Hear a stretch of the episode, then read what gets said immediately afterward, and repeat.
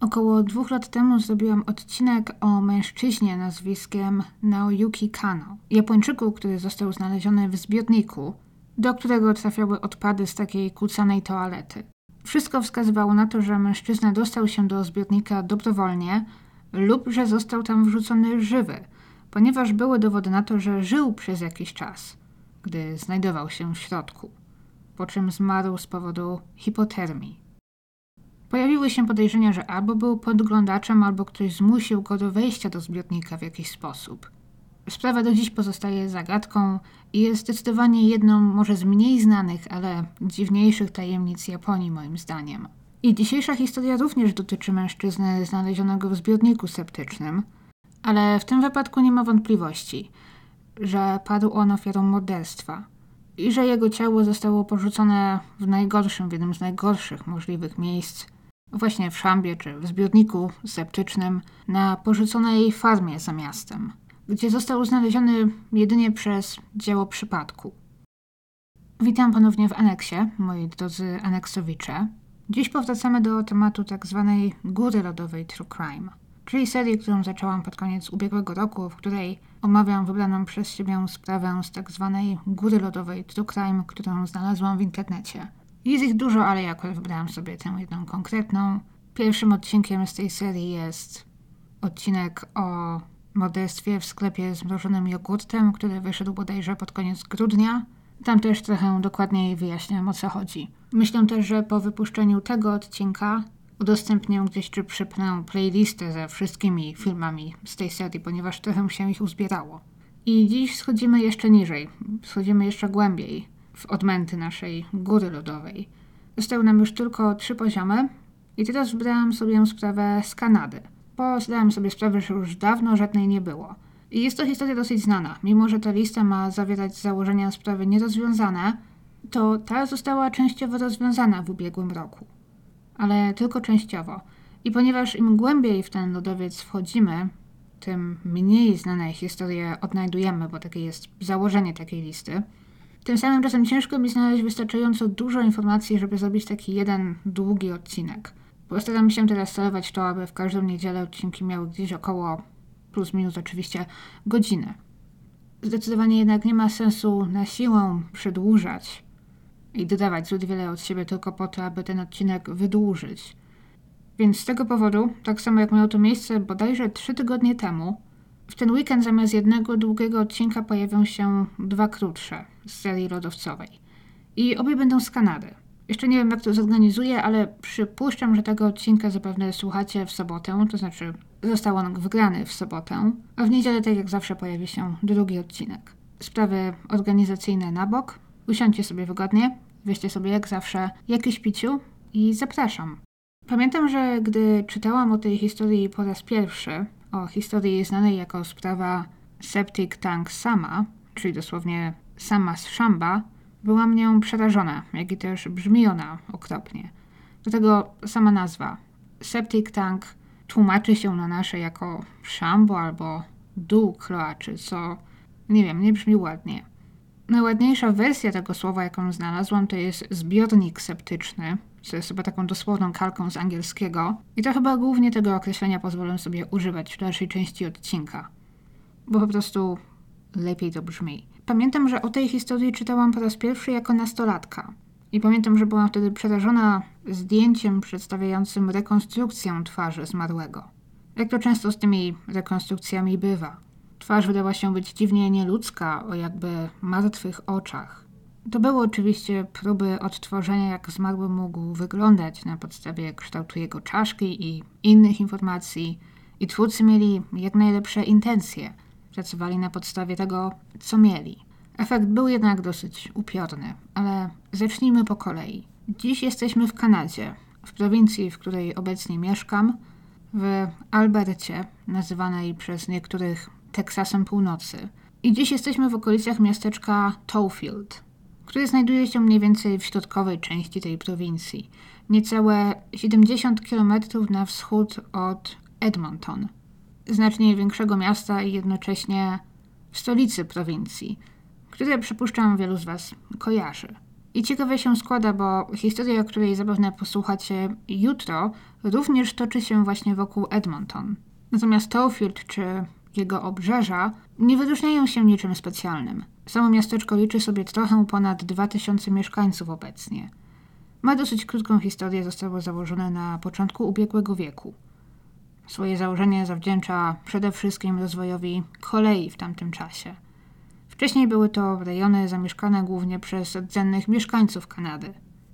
Do dziś w tej okolicy jest ich dosyć sporo.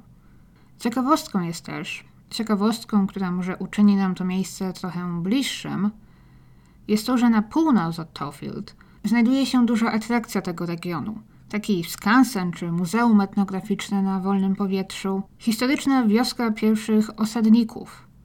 Osadników głównie ukraińskich, którzy zaczęli osiadać się w Albercie pod koniec XIX wieku. Muzeum jest nazywane w tłumaczeniu coś w stylu Muzeum Ukraińskiego Dziedzictwa, ale skupia się też na ludach ze wschodnich Karpatów i z Galicji, a więc też z terenów obecnej Polski. Jak skansen wygląda, chyba każdy wie. Jest to ciekawy widok w środku Kanady, bo możemy tam zobaczyć cerkiew, wiele starych budynków. Jest to muzeum, więc oczywiście widzimy, jak pionierzy się ubierali, jak żyli. Wiadomo, jak to skansen. Nie ma to większego związku z naszą historią, więc poirytowanych tą dygresją przepraszam, ale uznałam to za ciekawe. Ale jak już przy wschodnioeuropejskich dygresjach jesteśmy, trochę dalej jeszcze na północ od tamtego miejsca, właśnie w Albercie, ze wszystkich miejsc, znajduje się największy na świecie pomnik pieroga. W małej Pipidówie o nazwie Glendon. Jest to pomnik przedstawiający pieroga nabitego na widelec. Ma około 7,5 metra wysokości i został postawiony w roku 1993. Przez jakiś czas obok również funkcjonowała kawiarnia serwująca turystom, którzy zapuścili się w tamte regiony, aby zobaczyć to cudo, właśnie różne pierogi. Pierogi z różnych kultur, z różnych krajów, m.in. z Ukrainy, jak i z Chin, więc niby tak daleko, a czasem można poczuć się jak w domu. Poza tym Alberta słynie z dosyć dużej ukraińskiej społeczności. Ale zostawiając to, wracamy do Towfield. Dzisiejsza historia zaczyna się 13 kwietnia 1977 roku, więc znów jesteśmy w latach 70. Wtedy też mężczyzna nazwiskiem Charles MacLeod chodził po swojej dużej posesji. Była to farma na obrzeżach miasteczka, która jednak w tamtym czasie nie funkcjonowała. I mimo, że większość źródeł podaje, że septic tank Sam został znaleziony w Tofield, to tak dokładniej było to na jego obrzeżach, na zachód od Tofield, w Lindbrook, którego chyba jednak nie może nawet nazwać wsią czy miasteczkiem, bo jest to dosłownie skrzyżowanie dwóch wiejskich dróg, wokół którego skupia się kilka rozrzuconych domów i farm i jedna stacja benzynowa. I ten mężczyzna, pan MacLeod, budował dom gdzieś w innym miejscu, no ale tak się składało, że ten kawałek ziemi należał do niego, stały tam jakieś stare budynki, by znajdowała się tam farma, ale wtedy już nie funkcjonowała. Poza tym, że właściciele pojawili się tam raz na jakiś czas, tak jak właśnie w tym wypadku, farma była opuszczona i nikt się tam nie zapuszczał, albo przynajmniej tak się wtedy zdawało. I Charles pojawił się tam, ponieważ budował dom w innym miejscu i potrzebował bodajże pompy do swojego szamba w tym nowym domu, który budował. I zamiast kupować nową, po prostu pojechał na farmę, ponieważ wiedział, że jeden budynek miał podpięte szambo. Miał zamiar ją rozmontować i wykorzystać, jeżeli jeszcze działała. Odnalazł zbiornik, otworzył go i ku swojemu zdziwieniu zobaczył w środku but i skarpetkę. Coś, czego się tam nie spodziewał zupełnie. Zaczął przyglądać się dokładnie i zdał sobie sprawę, że widzi też chyba nogę, która była w ten but obuta. Wystraszony, że ktoś jakimś cudem wpadł do środka, czym prędzej pojechał wezwać policję. Policjanci potwierdzili jego podejrzenia. To nie był ani żart, ani umamy. W środku faktycznie znajdowało się ciało człowieka. Jego obrażenia później jasno wskażą na to, że nie był to żaden wypadek, a że padł on ofiarą morderstwa. Ale już same okoliczności, w jakich ciało znaleziono, na to wskazywały.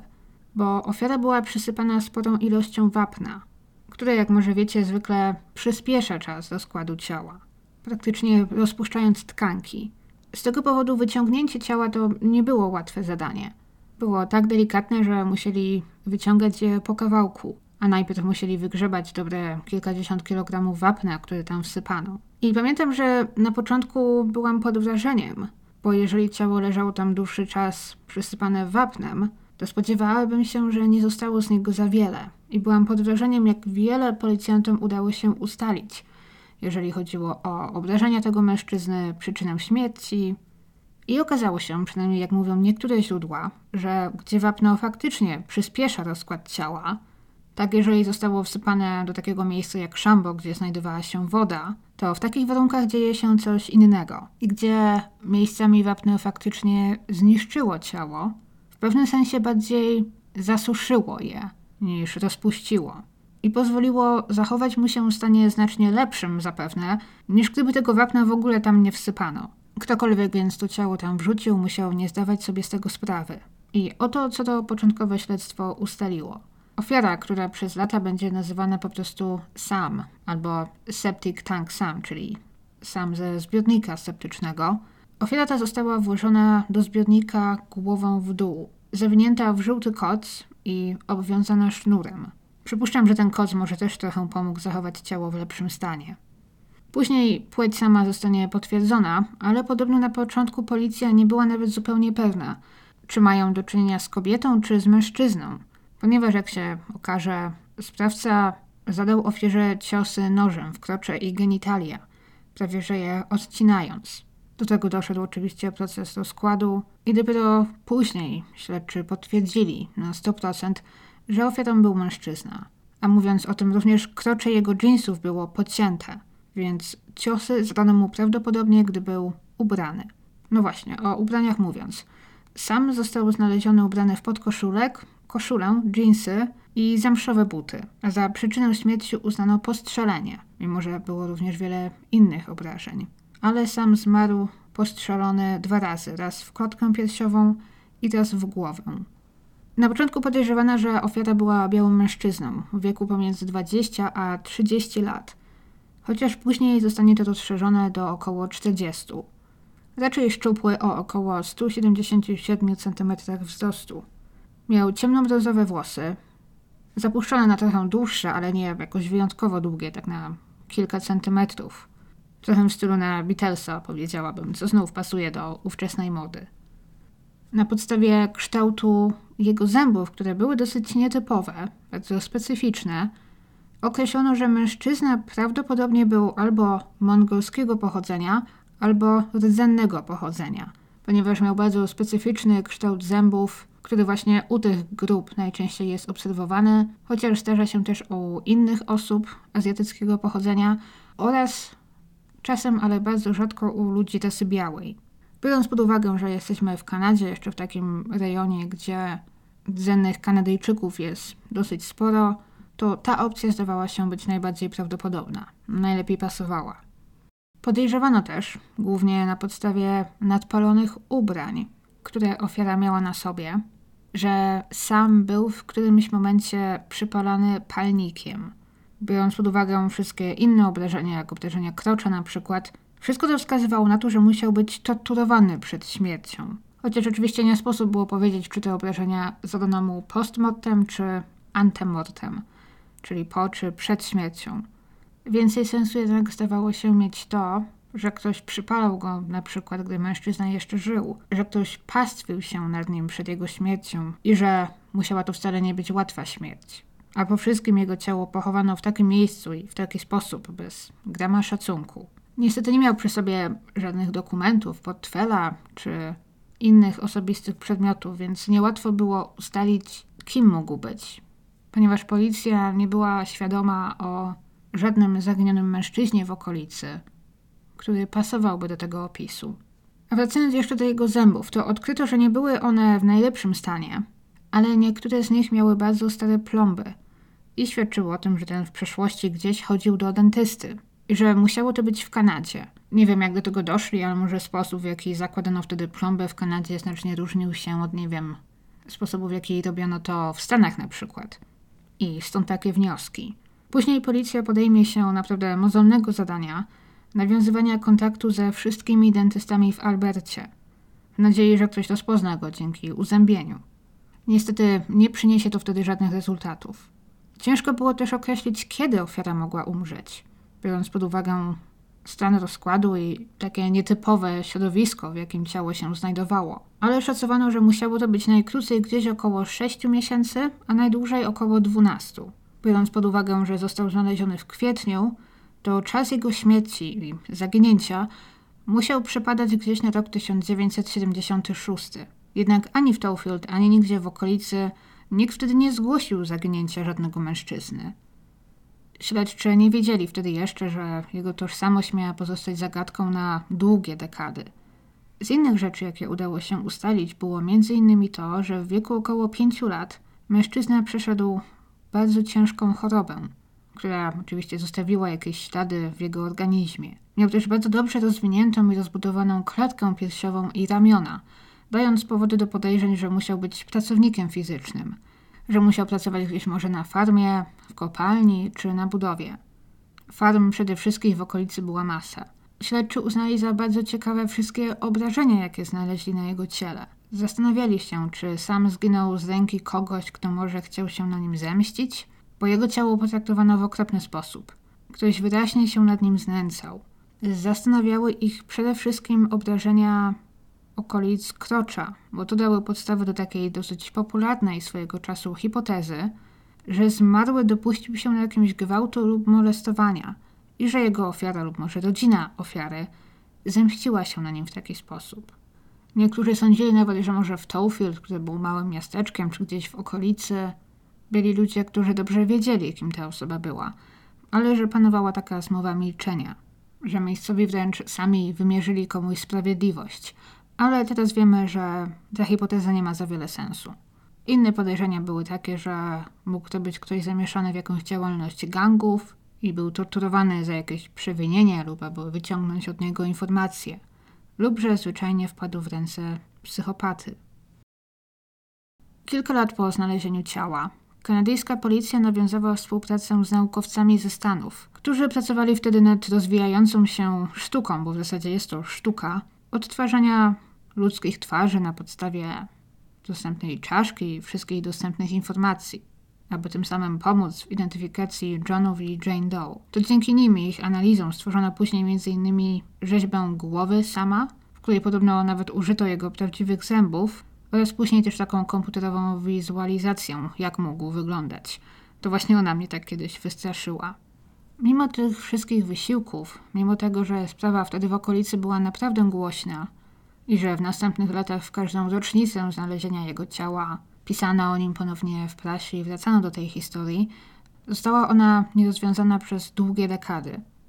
I ten mężczyzna, znany jako Sam, został pochowany wtedy w bezimiennym grobie na cmentarzu w Edmonton. W okolicach roku 2000 z zabezpieczonych próbek śledczy pobrali DNA Sama, w nadziei, że w przyszłości pomoże to ustalić jego pochodzenie. I zajmie to ponad 20 lat. Ale faktycznie, w końcu na początku roku 2021 jego tożsamość zostanie odkryta. Pamiętam, że gdy w końcu to ustalono, dosyć dużo o tym w Kanadzie mówiono. Samym okazał się być Gordon Edwin Sanderson, czy też Gordy, jak mówili na niego bliscy, który pochodził z prowincji Manitoba w Kanadzie i w chwili śmierci miał gdzieś pomiędzy 26 a 27 lat. Okazuje się też, że mężczyzna nie zupełnie wyglądał tak jak na rekonstrukcjach. Jego twarz zdaje się być znacznie okrąglejsza i na wielu zdjęciach ma też brodę, co znacznie zmienia jego twarz. Wygląda na to, że na podstawie czaszki nie sposób zawsze powiedzieć, ile tkanki tłuszczowej jest zgromadzonej na przykład na policzkach. W zasadzie ma to sens. Ciężko właśnie powiedzieć, czy twarz jest okrąglejsza, czy nie. Nie znamy różnych znaków szczególnych, jeżeli skóra nie zachowała się w dobrym stanie – i nie widziałam właśnie zbyt wielu takich rekonstrukcji, które później faktycznie okazywały się dobrze pasować do tej zidentyfikowanej osoby. I tożsamość Gordona odkryto dzięki temu, że w końcu załadowano profil jego DNA do dostępnych baz danych. I na podstawie genealogii, tak jak w wypadku Golden State Killera między innymi i wielu innych spraw, które są właśnie rozwiązywane teraz w ostatnich latach, Dzięki temu w końcu odnaleziono jego dalekich krewnych. Śledczy w końcu tak dotarli, tak po nitce do kłębka, dotarli do kobiety nazwiskiem Joyce Sanderson. I po porównaniu jej DNA okazało się, że Septic Tank Sam jest jej bratem, czyli Gordonem. I okoliczności jego zniknięcia i później jego morderstwa wciąż nie są zupełnie jasne. Wiemy, że mężczyzna mieszkał wtedy w Edmonton, lecz większość jego rodziny była w Manitobie, skąd pochodził. On sam nie mieszkał długo w Edmonton. To jest prowincja na wschód od Alberty. Kolejno na wschód mamy najpierw prowincję o wdzięcznej nazwie Saskatchewan, a obok niej, pomiędzy nią a prowincją Ontario, znajduje się właśnie Manitoba. I jak się okazuje, gdzieś na początku lat 80., a więc już po znalezieniu jego ciała, Joyce Sanderson próbowała zgłosić zaginięcie brata, ale niewiele zostało wtedy zrobione. Co też zdaje się pasować do tej historii, że w momencie znalezienia ciała w roku 77 policja nie była w stanie odnaleźć żadnego zgłoszenia o zaginionym mężczyźnie, który pasowałby do tego opisu, ponieważ faktycznie jego zaginięcia nikt wtedy jeszcze nie zgłosił. I historia Gordona, tak samo jak jego rodzeństwa, jest bardzo przykra. Gdy Gordon miał zaledwie 9 lat w roku 1959, został siłą zabrany swojej rodzinie. Oto dlatego, że przypuszczenia, że był z pochodzenia rdzennym Kanadyjczykiem, były słuszne. Możliwe, że wiecie już, kojarzycie, co się działo z dziećmi rdzennych plemion w tamtym czasie. Tak zwane 60s Scoop, kiedy to dzieci były odbierane swoim rodzinom i zabierane do tak zwanych szkół rezydencjalnych, o których mogliście pewnie dużo słyszeć w roku 2021, kiedy na trenach wielu z nich znaleziono nieoznakowane groby. I w tych szkołach dzieci rdzennych mieszkańców miały się, w cudzysłowie, asymilować, wpasować do kultury kolonizatorów. Dzieci miały porzucić tam swoje wierzenia, obyczaje, język i przyjąć chrześcijaństwo. Większość tych szkół była prowadzona przez kościoły, przez zakonnice i niestety bardzo często dochodziło w nich do masy nadużyć i przemocy. Wielu ludzi, którzy przeżyło te szkoły, do dziś zmaga się z traumą są powodem, dla których wielu rdzennych mieszkańców zmaga się do dziś z zaburzeniami psychicznymi, z uzależnieniami i niestety podobnie było właśnie z Gordonem Sandersonem.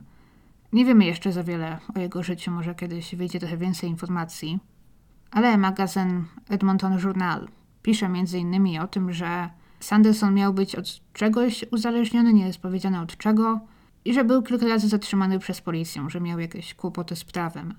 Wiemy też, że Sanderson miał brata imieniem Arthur, jak i też wspomnianą siostrę Joyce. To właśnie Joyce później zgłosi zaginięcie zarówno Gordona, jak i Artura, po tym, gdy straci z nimi kontakt, ale dopiero na początku lat 80.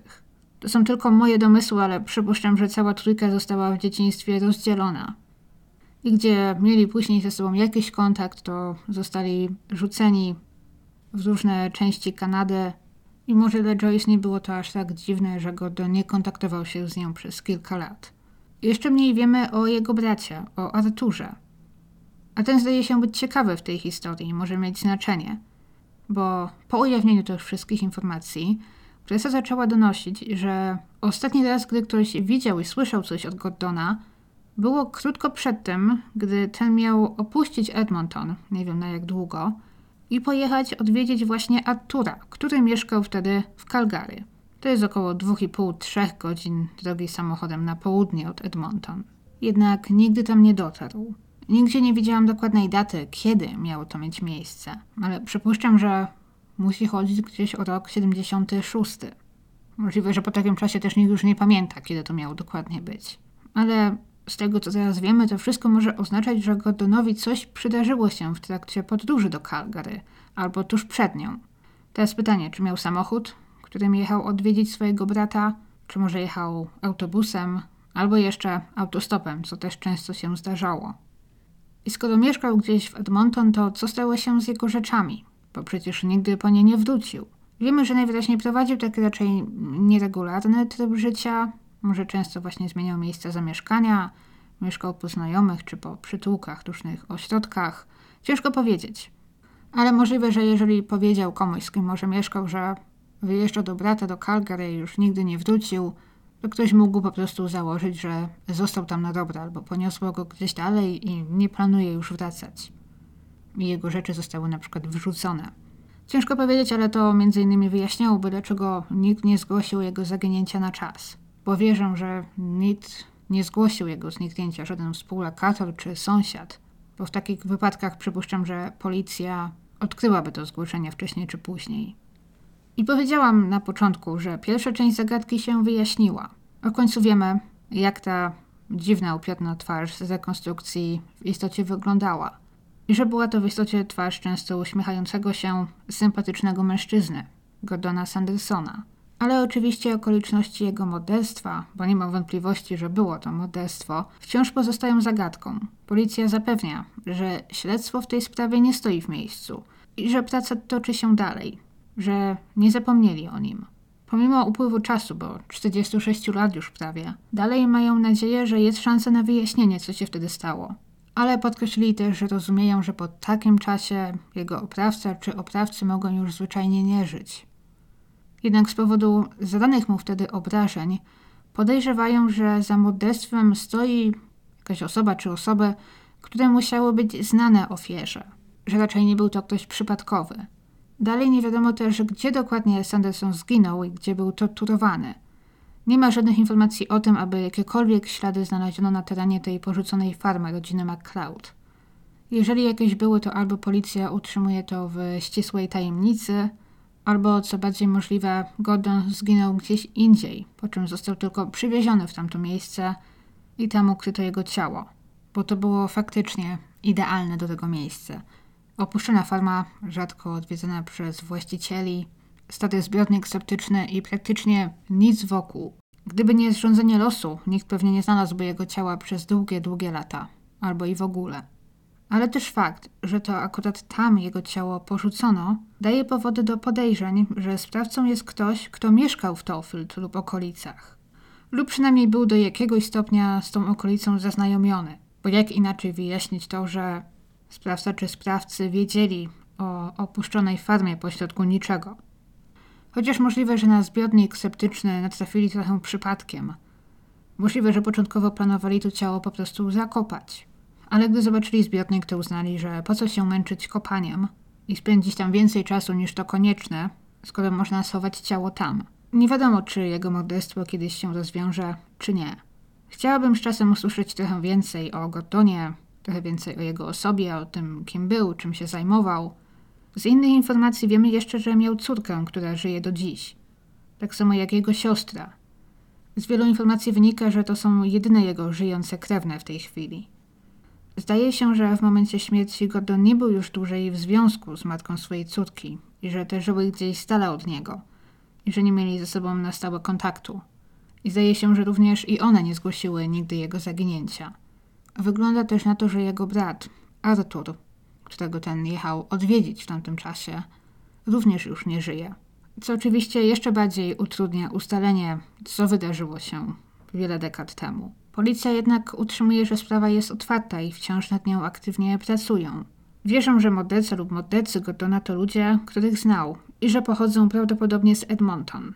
I że możliwie są to ludzie z jakiegoś przestępczego półświadka, z którymi Gordon jakoś się zamieszał, możliwe, że w związku z narkotykami. Cieszę się, że ta zagadka rozwiązała się przynajmniej częściowo i trzymam kciuki, że to nie koniec. A my słyszymy się jutro w historii z tej samej okolicy. Trzymajcie się mocno, jesteście super i do usłyszenia. Pa!